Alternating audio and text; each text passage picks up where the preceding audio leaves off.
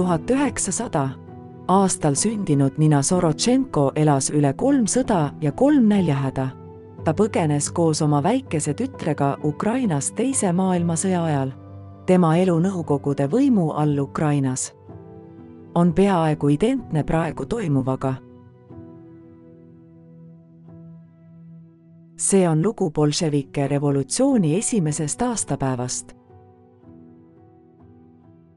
inimesed, miks te nii kardate oma paraadil marssida, kirjutas Nina Sorotšenko. Nina lapselapselaps Maia Polslei loeb. mäletan, nagu oleks eile, neid süngeid, süngeid ja etteaimatavaid päevi, mil tähistati kuulsusrikast pidu. Need spontaansed ilmingud mis määravad kindlaks riigi aastapäevapäevad Nõukogude Liidus. selline päevade sagimine kakskümmend kolm, veebruar punaarmeepäev kaheksa, märts naistepäev üks, mai rahvusvaheline töölistepäev seitse. Ja kaheksa, november oktoobrirevolutsioonipäevad ja edasi ja edasi. jah, ma mäletan. Nõukogude Liidust väljarändajana ja nende Ameerika Ühendriikide kodanikuna saan ma rääkida kahe tsivilisatsiooni vaatenurgast, mõistes, kuidas kumbki avaldub oma paraadide, nende rahvusliku teadvuse pidustuste kaudu. paraad on kindlasti rahvas mikrokosmoses. paadunud paraadivaatlejana olen viimase kolme aastakümne jooksul olnud tunnistajaks paraadidele Phoenixis, Arizonas, Este Paulis, Minnesotas ja New Yorgis. üks New Yorgis paistab silma kõrge reljeefiga. See on juuli neljas päev aastal tuhat üheksasada seitsekümmend kuus, see on kakssada aastat. koos tuhandete teiste Ameerika kodanikega olen ka mina osaleja. kui erinevalt minu endisest kodust Nõukogude Liidus siin on kõnniteed täis igas vanuses inimesi, keegi pole sunnitud paraadi vaatama. mõned on siin juba hommikul seitsmest saati. inimene näeb naeratavaid, rõõmsaid nägusid, kuuldakse ehtsat naeru, hooletuid karjeid, rõõmsaid tervitusi. ka müüjatel on hea päev hotdogidest, kringlitest ja kastanitest ei piisa rahva hulga näljahädaks. Lapsed naudivad suhkruvatti ja jäätist, nagu ka nende vanemad. Aga kuulake, muusikahelid tulevad aina lähemale. ja nüüd samm-sammult marssivad noored, nende erksad ja helged värvid sama rikkalikud ja mitmekesised nagu Ameerika maastik. kuula tuhandete jalgade tallamist, nende rütmilisi liigutusi, vaadake, kuidas väikesed tüdrukud oma tantsukeppe õõtsutavad. väike Manhattani saar laulab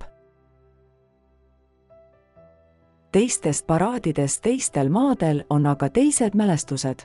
on seitse, novembri hommik aastal tuhat üheksasada kaheksateist toimub suure oktoobrirevolutsiooni aastapäeva tähistamine. igaüks meist, iga Nõukogude Liidu kodanik, alates väikestest lastest kuni väga vanadeni, kõik vabade vabariikide inimesed, suurte revolutsiooni isade ja juhtide saapa all Moskva oodatakse neid päevi tähistama see on järjekordne spontaanne ilming, kuid loosungid, muusika, laulud ja paraaditee on kõik korraldanud kommunistlik partei. Vabas ühiskonnas elava inimese jaoks on seda võimatu ette kujutada, kuid Nõukogude Liidus kontrolliti ja kontrollitakse praegu igas tööstusüksuses, igas sõjaväeosas või koolis või kontoris elu, tööd, plaane ja arvutusi. Partei poolt. Moskvas Kiievis, Tšarkovis, Leningradis on partei kontrolli all igas linnas ja alevikus, põllumeestest kuni nendeni, kellel on piisavalt õnne töötada kunsti, programmide, ideede ja isegi isikliku elu vallas. niinimetatud kommunistlik rakk tuletab meelde, et ta elab orjariigis. on varahommik, enne päikesetõusu ootab meid peojuhendaja kes kontrollib oma kõigi meie nimede nimekirja, kontrollib neid nüüd hukule määratud, kes eile õhtul koosolekul ei viibinud. Et mitte vallandada, mitte kaotada leibatüki või toiduportsjoneid pere ja laste jaoks, teeb ta juba oma erimärkused, kahtlustades, kes võib olla kontrrevolutsiooniline. kes teab, võib-olla olete juba määratud kipu kohutavale teele minema. NKAD, Tšeka, salapolitsei. ärkame palju varem kui tööpäevadel pritsige näkku külma vett, kuum jooksev vesi oli luksus, millest me vaid unistada võisime, ahmige leivakoort ja eilseid külmi kartuleid, kõik maha pestud oma tehtud odrakohviga, ilma suhkru ja piimata. me paneme selga oma räbalad riided, kostüümid, kleidid ja mantlid, mis on nüüdseks juba aastaid vanad, nüüd muudetud, isegi värvitud selleks puhuks uut värvi. hetk hiljem tormame oma kohtadele tänavanurgal kus meie üksus koguneb. Teie räbalad kingad libisevad porisse, kui kirate ainult mõttes neid revolutsioone, pidustusi ja paraade. novembri alguses on Ukrainas päevad juba külmad, tibutav vihm, millele järgneb lumetuisk, taevahall, tugev. oleme näljased ja väsinud, võidetud, kuid peame selle parteijuhi jaoks mõeldud igavese naeratuse taha peitma ta seisab seal, märkmik käes, kirjeldab päeva ja meie käitumist. Ta kõnnib oma üksuse ridade ees. lugedes tähelepanelikult meie nägusid, ta või ta sageli on see naine, ise on külm, kuid mitte nii näljane kui meie ning ta on soojem ja paremini riides. tema missioon on parteidistsipliini jõustamine. me teame oma südames, et ta seisab meie ja ülekuulamiste, piinamiste Siberisse pagenduse ja isegi surma vahel. Meie elud on tema kätes ja kui hästi ta seda teab.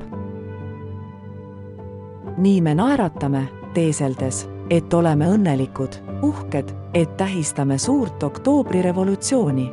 kuid oma vaikuses meenutame neid, kes viidi sunnitöölaagritesse ja keda pole enam nähtud. mäletan oma isa, kes lasti mu silme all maha, sest tal polnud peopesadel kalluseid mäletan, et mu ema pagendati aastaid sunnitöölaagrisse ainult seetõttu, et ta nõudis Kristuse ikooni hoidmist meie kodus. kuulen kedagi ütlemas, hei sõber, su silmad on pisaraid täis. pühkige need kiiresti ära, enne kui ta märkab. ta on lähedal. seega seisame tund tunni järel oma tellimusi ootamas. aega surnuks lööma enda või sõbra rõõmustamiseks, kui oled huumorimeelega inimene, kui vangivalvurit pole läheduses, kui oled kindel, et sinu kõrval seisev naaber pole Tšeka agent, salapolitsei, nad on kõikjal laiali, sosistad oma sõbrale midagi naljakat, jälgides alati, et me ei mainiks nende suurte juhtide nimesid. järsku kõlab muusika, mingi Nõukogude Punaarmee vapper võidumarss meloodia ja sõnad on erakonna poolt heaks kiidetud. meie kolonn hakkab liikuma, alguses on sammud normaalsed, isegi aeglased. samm-sammult teised veerud liiguvad kiiremini ja tekib segadus. sammud lähevad aina pikemaks, juba mudas trampides, üle lompide ja munakivide loksudes. inimesed on hingetuks, eriti vanad ja haiged, lämbuvad, higistavad külma käes. kuid ei anna alla jätkate selles kohutavas võidujooksus. Teie rühmajuht, kolonnijuht, jookseb esimesena, kõik teised vaatavad üle õla oma rühma. kui hästi me galopeerime, ta naeratab, ta teab, et kui tema rahvas ei jookse organiseeritud stiilis, ei pööra pead, ei naerata kohas, kus isad, meie suured juhid, tervitavad rõõmsate Nõukogude kodanike kolonne, siis karistatakse või vallandatakse või pannakse vangi. eriline nimekiri. tormame edasi, astume pikemalt ja kiiremini, naeratame heledamalt, loosungid kõvemini lähenegem kommunistliku partei kõrgete isikute platvormile ja seiskem kõrgemal. naeratagem neile kõrgematele riigimeestele, neile armastavatele isadele, neile parteimeestele, poliitbüroo liikmetele. aga kommunistliku partei kõrgeim poliitikakujundaja. möödudes näeb kolonni juht, et nad on rahul, selline spontaanne armastuse ja kiindumuse ilming ema Venemaa vastu tema töökoht on kindel vähemalt praegu. oleme lõpuks oma teekonna lõpus, Raekoja platsilt väljas ja naeratused kaovad meie räsitud nägudelt. Oleme väsinud, külmunud, tühjenenud, kuid peagi vabaneme erakonnast, poliitbüroost, kolonnijuhist ja kõigist pättidest, kui vaid mõneks ajaks. hiljem õhtul osalevad nad uhkel peol, kus serveeritakse kaaviari ja viinavaate. naaseme oma kütmata kodudesse, külma kartuli ja odra kohvi juurde läheb pimedaks. linnas põlevad tuled. Meil on lubatud naasta oma kodudesse, oma privaatse mina juurde.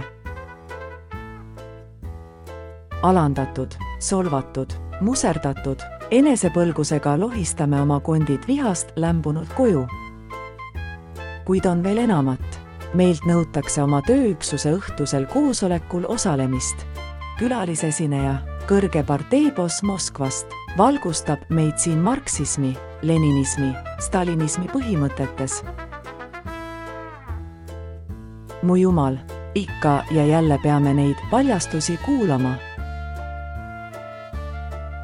noh, täna õhtul, selle asemel, et olla kodus oma perede, oma lähedastega ja puhata pärast seda nördimuspäeva, kohtume pallisaalis, et tuletada endale meelde, et oleme tõepoolest orjad hinge all vandudes, vihates seda suurt oktoobrirevolutsiooni, selle juhte, eestkõnelejaid, terroriinstrumente üha enam, lohistame end pärast kerget õhtusööki kuidagi saali, kõik meie õhtusöögid on kuidagi kerged. astume sisse peobändisse, kes mängib Internatsional. eemaldame keebid ja sallid ning laulame oma hümni, seda laulu talupoegadele ja töölistele Pole ühtegi laulu ega muusikat peale laulude, mis väljendavad armastust Venemaa armastatud juhtide vastu. Pole tõelist naeratust, spontaanset naeru, tantsu ega rõõmu. ei mingeid karastusjooke, kaaviari ega viina, ainult higilõhn ja paks märg vill, meeleheite hais. märkasin, et mu naaber, kena mees kes töötab meie kolledžis, laulis rahvusvahelist hümni nii hiilgava, isamaalise näoilmega ja näis ülimalt õnnelik. tundsin teda hästi, ta oli väga kriitiline kõigi Nõukogude korra õuduste suhtes. ta oli suur pikk mees, hea sügava bassihäälega, kuid talle nii lähedal seistes ei kuulnud ma isegi kõige madalamat sosinat ta avas ja sulges taktitundeliselt suu internatsionaali meloodia ja sõnadega, kuid ta ei laulnud kunagi. ta ainult teeskles, vaadates rõõmsalt peomeest, kes seisis platvormi ääres ja vaatas ja vaatas, püüdes mitte unustada, kes ei laulnud või kes laulis melanhoolse ilmega.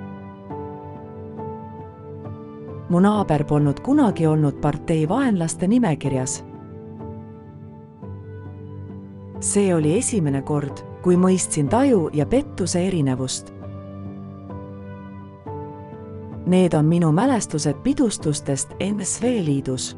aastal tuhat üheksasada kolmkümmend kuus muutus see määr dramaatiliselt, tähistades neid suuri päevi